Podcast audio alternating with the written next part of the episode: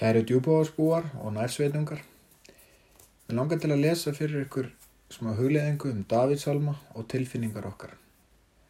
Hugleðinguna nefni ég Sæl eru þau sem finna styrk hjá þér. Davíðsalmarnir eru eitt áhrifaríkasta rít Gamla testamentisins. Saltarinn eins og rítið eða gerðnam kallað hefur haft gríðarlega áhrif á menningu okkar. Í umfjöldun minni verður sjónum engum beint að svo köllum harmsalmum að margra mati fela bænir þeirra í sér mikla möguleika til að finna tilfinningum sínum farveg.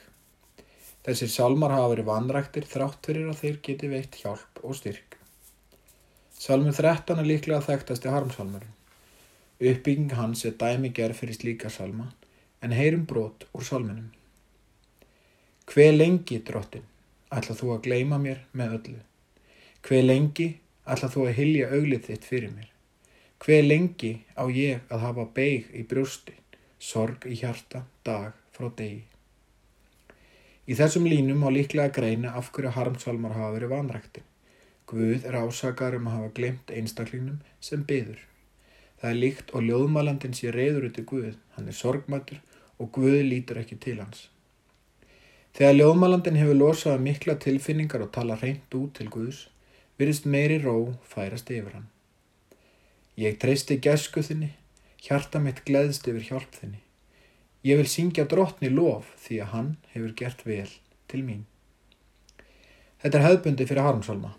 Í fyrir hlutanum byrtast miklar og sára tilfinningar en bænin verðist leysa eitthvað á læðingi og jamt og þétt getur ljóðmalandin þakka Guði aftur. Martin Luther King vitnaði mikið í þennan salm í ræðum sínum. Hann barðist af kappi fyrir jafnrétti og þegar hægt þokaðist í réttindabáratu blokkumanna gatt hann spurt. Hversu lengi? Ekki lengi vegna þess að engin lígi getur lifað að eilifu. Hann nýtti salmana í tvíþöttum tilgangi. Í fyrsta lagi vildi hann sína að í biblíunum veru til bænir sem hæfðu hinnum órettlætu aðstæðan fólksins, en jáfnfram til að sína fram á að í sömu tekstum fælist von um bjartari framtíð. Bono, söngvari U2, hefur ítrekka líst dálæti sínu á salmum saltarans. Sagtuðu verið að í tekstum hans byrtist óþreja sem kallast á við orðala harmsalmana eins og spurningin hver lengi. En Bono leggur mikla áherslu á tengsl, trúar og réttlætis. Bono veit að það er von, hann virðist fá útráðs fyrir tilfinningar sínar í tekstum sínum og berst meðal annars gegn fátækt í heiminum. Það er aðteglisvert að í saltaranum eru harmsalmar fyrirferða meiri í upphafi salmasapsins en lofgjörðar salmar í setna hlutanum. Af þessari ástæðu hefur reytinu verið líst sem ferðalagi frá erfileikum til lofgjörðar. Upprunni salmana er margvíslegur og höfundar þeirra óleikir. Mannlegum tilfinningum er líst allt frá djúbri sorg yfir í algjöra gleði. Fólk á öllum tímum hefur leitt hugan að tilvistalöfum spurningum, glimt við erfileika, en sem betur fer einni haft tækifæri til að gleðjast og þakka. Það eru því ekki einungis hugljúfur sálmar í saltaranum, heldur er einni lagðar fram harðorðar bænir fólks sem kvartar og skilur ekki af hverju það þurfi að líða. Það er staðreind að í flestum harmsálmum þar sem fólk lýsir neðsinni verða umskipti, eitthvað betra á sér stað, en ekki alltaf. Lífið er heldur ekki alveg svo einfalt að þegar við þurfum að klífa bratta brekku verði allt betra þegar upp er komið. Fremur ber að tólka salman á þann veg að við tökumst á við mótlati með því að tala við Guð, nýtum alla þá aðstóð sem hægt er að fá og þannig hægt og rólega unnið bug á erfileikunum. Það er svo von sem eigum í Kristi og svo kærleikur sem fælst í trúni og með vinum okkar njótum við samfélgdar sem veitir okkur styrk. Það er mikilvægt að geta fundið farveg fyrir tilfinningar okkar, sorg, reyði og gleði.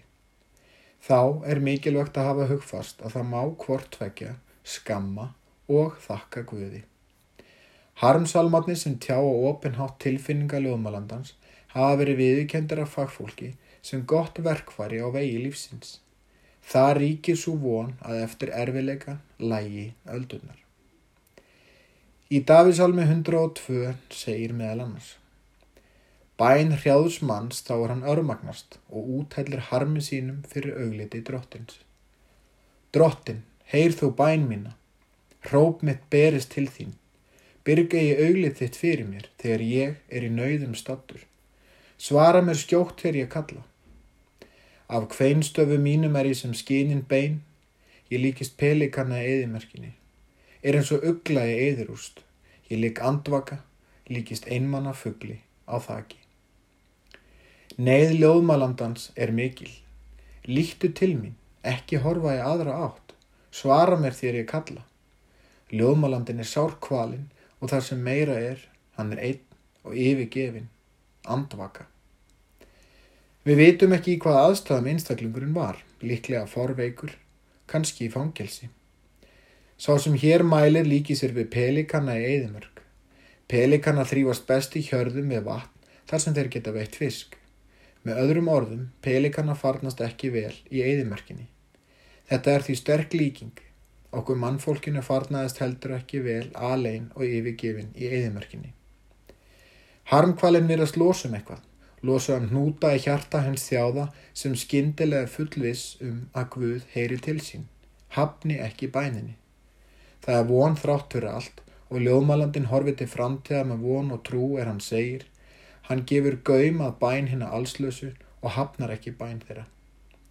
En þú ert hinn sami og ár þín fá engan enda. Börn þjóna þinna munu búa óhullt og niðja þeirra standa stöðjur fyrir augliti þínu. Í harmsálmunum kafa sálmahöfundarnir djúftin í kviku sálarinnar og fjalla opinskátt um erfileika sína. Það er erfitt ferðalag, en það ferðalag endar oftast með meiri ró í hjarta. Getum við í dag nýtt okkur þessar bænir í erfiðum aðstæðum? Eða veita þessar bænir okkur kjark til að tala opinskátt við Guð og koma tilfinningum okkar í orð?